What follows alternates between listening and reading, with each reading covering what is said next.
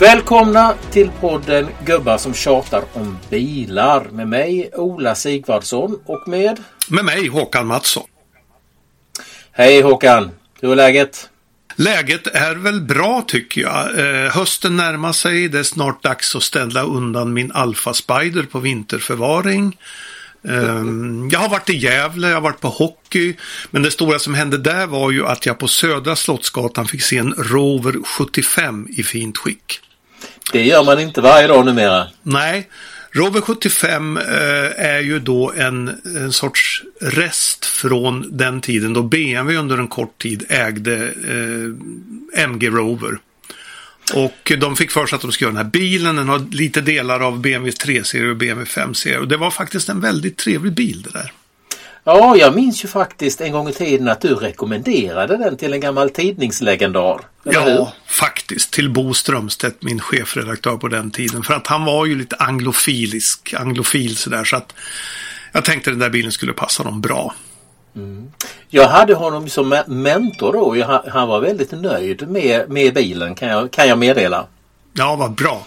Mm. Eh, jag kommer ihåg premiären på den där var på bilsalongen i Birmingham eh, hösten 1998.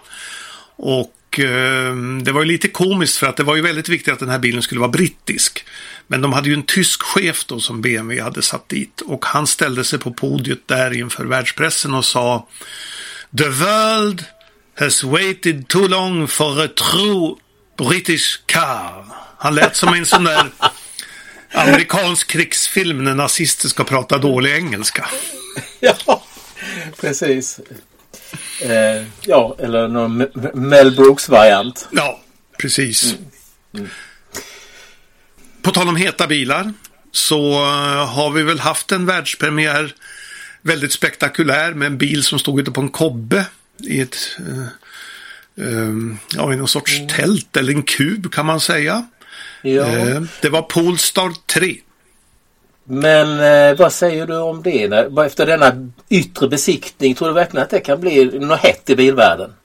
Polestar 3 eh, tror jag blir hett. Jag hävdar ju lite elakt att Polestar till 80% består av marknadsföring eftersom deras produkter kanske inte är de allra vassaste, i alla fall inte tekniskt. Jag menar, Polestar 1 var ju en laddhybrid. Eh, den hade ju en bensinmotor, det ska ju vara ett elbilsföretag.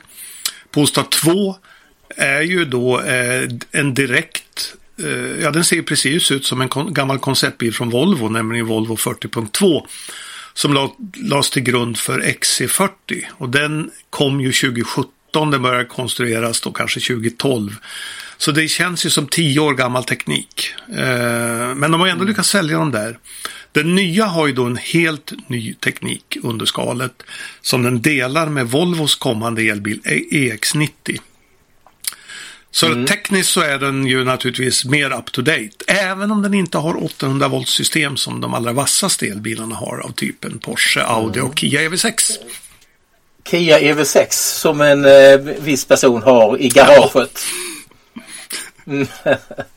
Men du, alltså jag har ju kört eh, Polestar 2 och tycker att det är en, eh, en ganska trevlig bil. Den är trång inuti men den, eh, jag tycker den känns välgjord och hänger ihop fint och spännande att köra. Eh, och den här nya trean den är ju väldigt snygg. Ja, jag tycker mer att den är prydlig än upphetsande vacker. Eh, Ja, den är kompetent gjord och det låter ju inte så kittlande. Men det är klart att den här blir bättre. Det problemet med Polestar 2 är att det är ju då en konverterad bensinbil så man får ju inte den här poängen som elbilar har när man bygger dem på en bottenplatta och sätter liksom motorer i, i varje ände och, och hjul. Eh, väldigt mycket goda innerutrymmen och det kommer den här bilen att ha. Man kan ju se till skillnad från Volvon då så blir den här femsitsig och man kan ju se på bilderna att det blir nog fantastiskt fint utrymme i baksätet i Polestar 3. Men något ska man väl få för 970 000? Ja, priset är kanske inte så där väldigt hett om man säger så. Nej, det är möjligt att det liksom matchar konkurrenterna att det är där det måste hamna. Men det är ju väldigt mycket pengar och nu utgår ju inte heller några sån klimatbonus på 70 000 så att det är ju det är 970 000 ut. Då får man ju då den lite klenare versionen som eh, har strax under 500 hästkrafter. Man får lägga till 70 000 till, då får man strax över 500 hästkrafter. Mm. Jo, det räcker ju ett tag. Det låter som om att du är lite skeptisk mot att den skulle liksom bli, bli het med tanke på konkurrensen. Ja, eh, jag, tr jag, tror ändå att den säljer. Jag tror det på grund av den här marknadsföringen. Jag tror att precis som många som du reagerar på att den är, jo den ser ju jättebra ut. Mm. Men eh, ja, alltså det, den har ju några saker emot sig då. Dels så är den ju väldigt tung. Den väger 2,6 ton. Det är 600 kilo mer än en Kia EV6 till exempel. Eh, den har förvisso då en hyfsat bra räckvidd upp till 61 mil i bästa versionen. Men man kan jämföra då med en, en kinesisk konkurrent som, från Nio som heter ES7 som ser ut ungefär som, som Posta 3, samma storlek. Den kostar hälften så mycket i Kina. Eh, och har räckvidd upp till, eh, jag tror det är 85 mil och sånt där. Problemet med Polestar när, när du får den här, visst du får en hyfsad räckvidd, men det beror ju på att man har stoppat in ett jättebatteri, 111 kilowattimmar. Mm. Och det väger ju jättemycket. Och jag rent moraliskt är tveksam till de här elbilarna, att de bara ska växa och växa med batterierna. För det är ju en miljöbelastning i tillverkningen av batterierna. Eh, och frågan är hur många som egentligen behöver det där. Mm. Nej, du brukar ju säga att man behöver kanske en eh, 25-30 mil så klarar de allra flesta sig. Ja, så är det ju.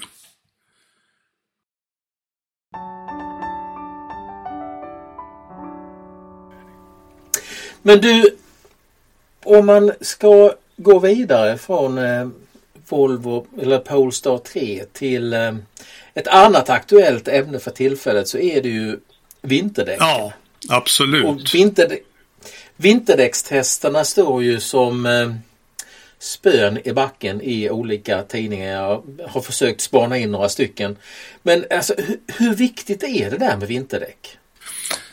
Vinterdäck är ju trots allt viktiga. Det är ju en helt annan eh, gummiblandning och till och med plastblandning i, i sommardäck jämfört med vinterdäck. Vinterdäcken eh, klarar av snö och is. Sommardäcken blir hårda. De blir som puckar åka omkring på om man ska bromsa och så vidare. Så att det är sämre. Eh, en tumregel är att när temperaturen, yttertemperaturen sjunker under 5 grader så bör man ha vinterdäcken på. Sen kan man ju diskutera, det är ju, det är ju så att eh, man behöver ju bara ha vinterdäck vid vinterväglag enligt lagen. Så att mm. eh, det finns ju ett kryphål där och det är väl tänkt för Ta inte det här personligt nu. Det är väl tänkt för pensionärer i Skåne, kan jag tänka mig.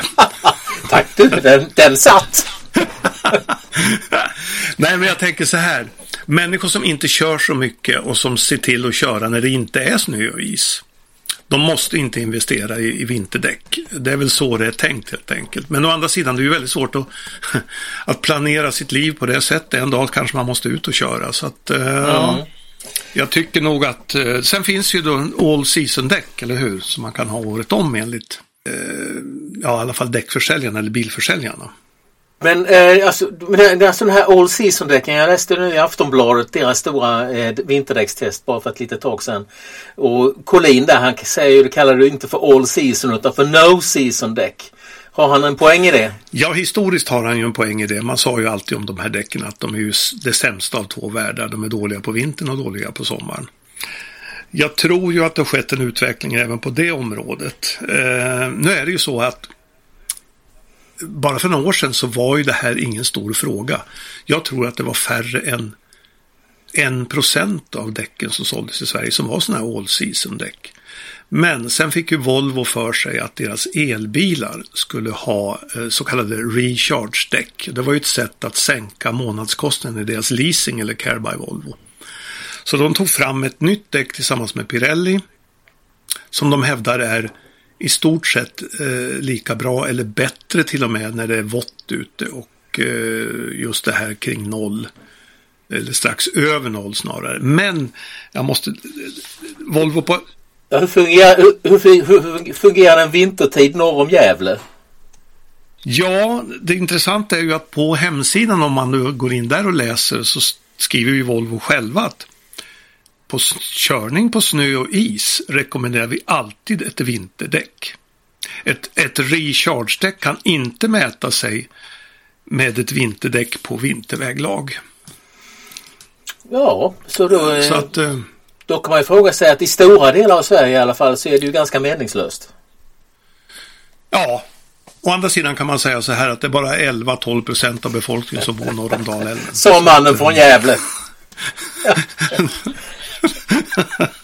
så de flesta klarar ju sig med, med de här kanske. Men jag, jag personligen har en uppsättning vinterdäck och en uppsättning sommardäck för att jag vill inte ja, utsätta mig för det där. Helt Men eh, hur, hur gör du med eh, dubbar? Kör du dubbfritt eller med dubbar?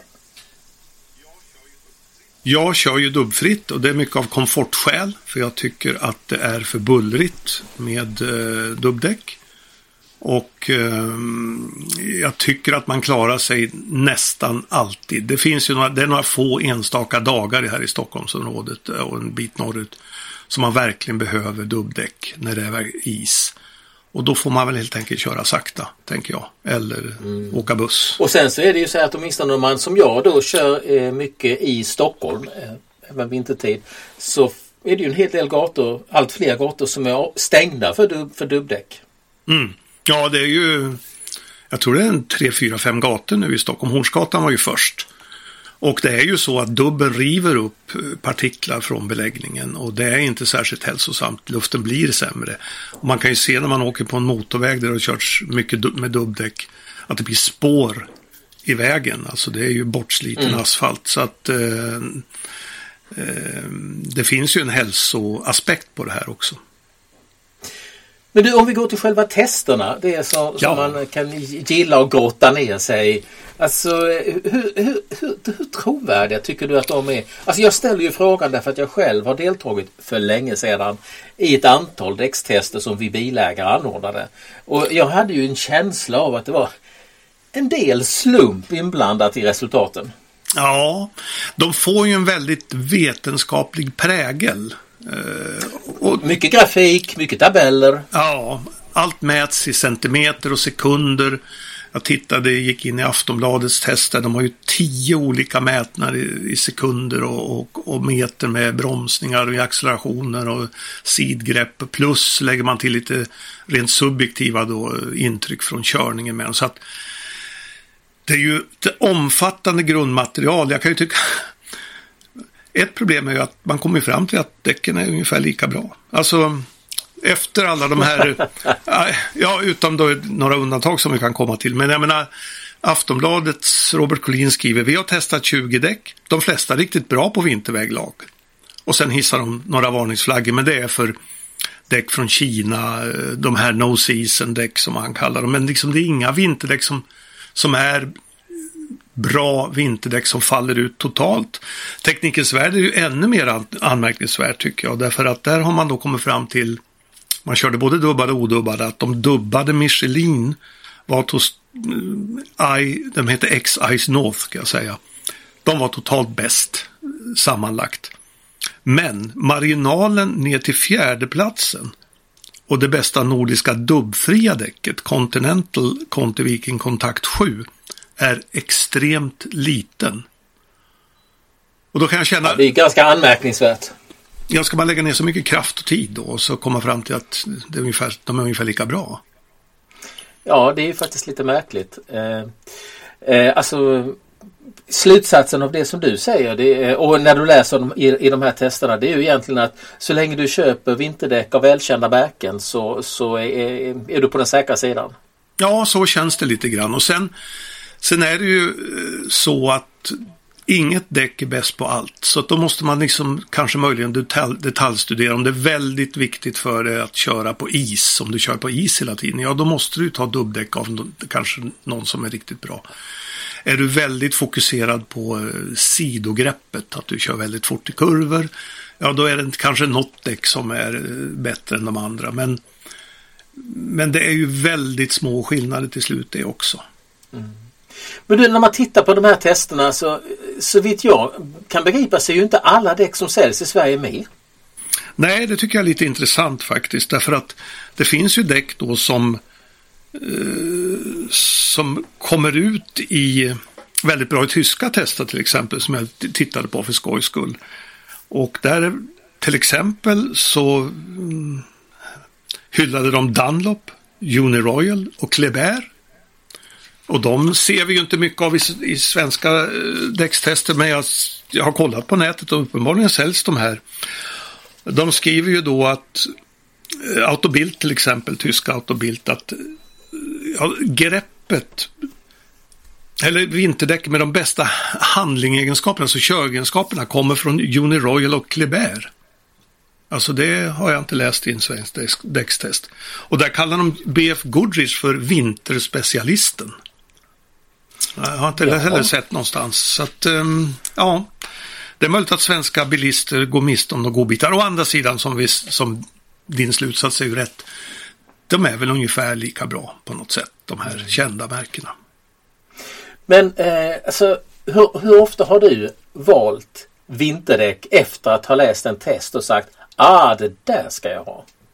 Nej, jag kollar väl lite faktiskt när jag skulle köpa vinterdäck för ett år sedan snart.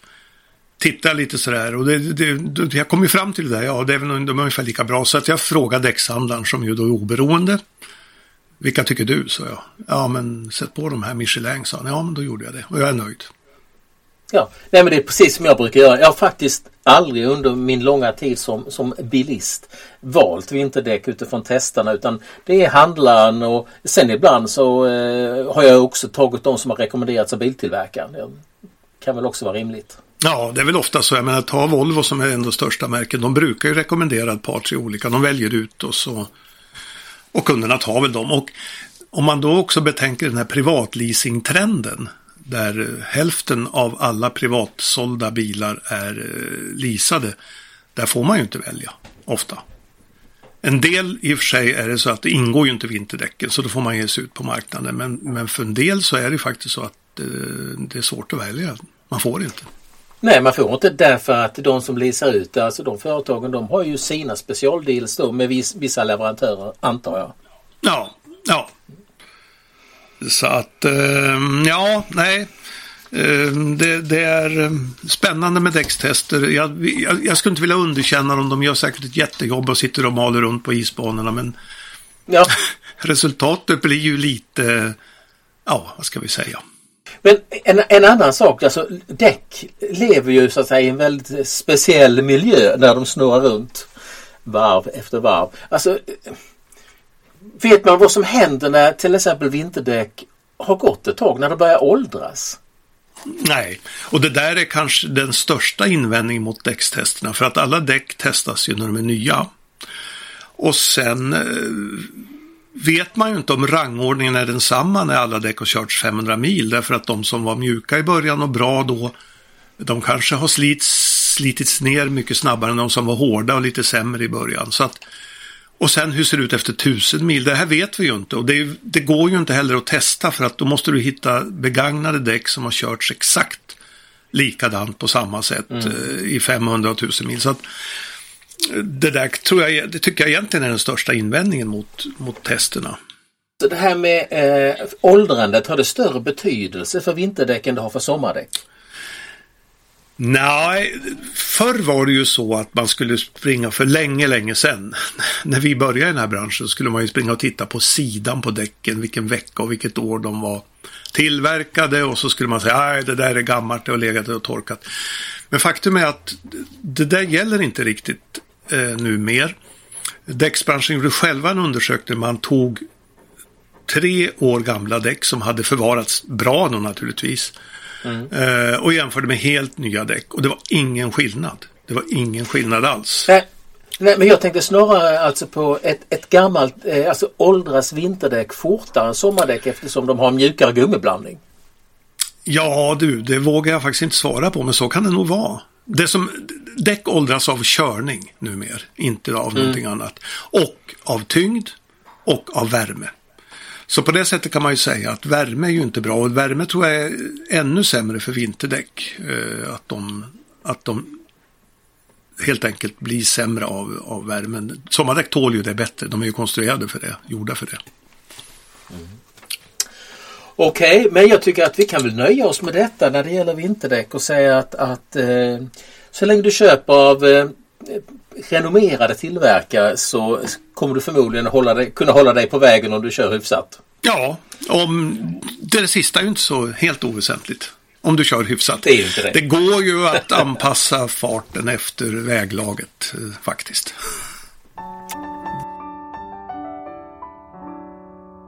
Världens fånigaste undersökning eh, har vi snubblat över, eller hur? Ja, det, jag tycker ju det. Det är um, KVD, gamla Kvarndammen, som har bett Statistiska centralbyrån svara på en fråga och den lyder ungefär så här. Har du någon gång undrat vad den som kör en Mercedes oftast heter? Har du undrat det ofta?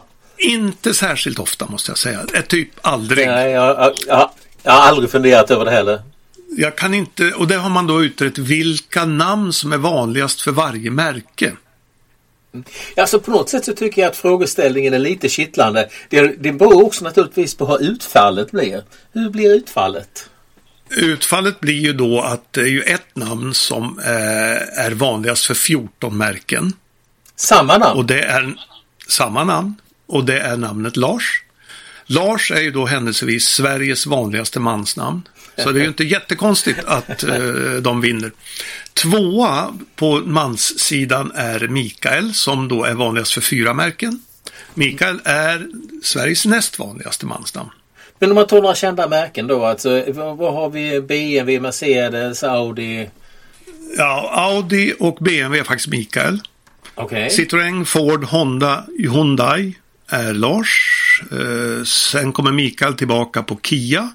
Mazda Mercedes är Lars. Eh, måste jag bläddra i papperna här. Det är ju eh, Sen har vi då Nissan är Lars. Opel Peugeot Lars. Saab Lars.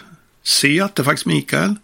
Sen har vi Skoda, Subaru, Toyota och Volvo Lars. Sen har vi en uppstickare på Volkswagen. Jaså? Ja, och det är Anders som dyker upp.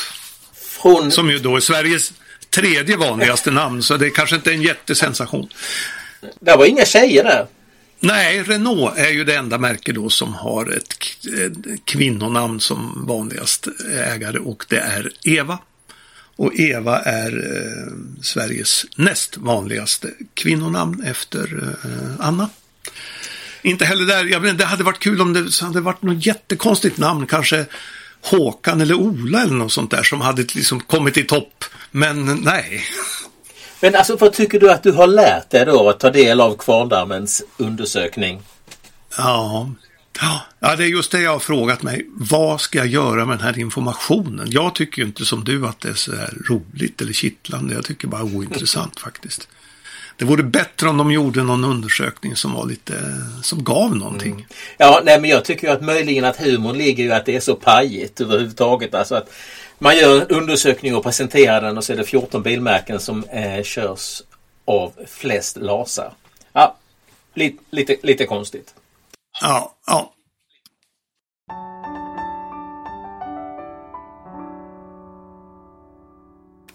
Men du, vi kanske ska börja samla ihop den här podden och säga att om ni som lyssnar vill höra av er till oss med synpunkter eller med uppslag eller något liknande så kan ni göra det på mail på bilchat.gmail.com. Ni är mycket välkomna.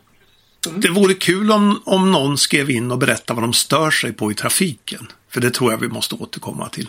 Ja, det måste vi definitivt återkomma till. Vad är det mest störande man vet? Ja, det som får en att, att klia i långfingret. Ja! Men då säger vi det så länge. Eh, tack för idag Håkan. Tack själv.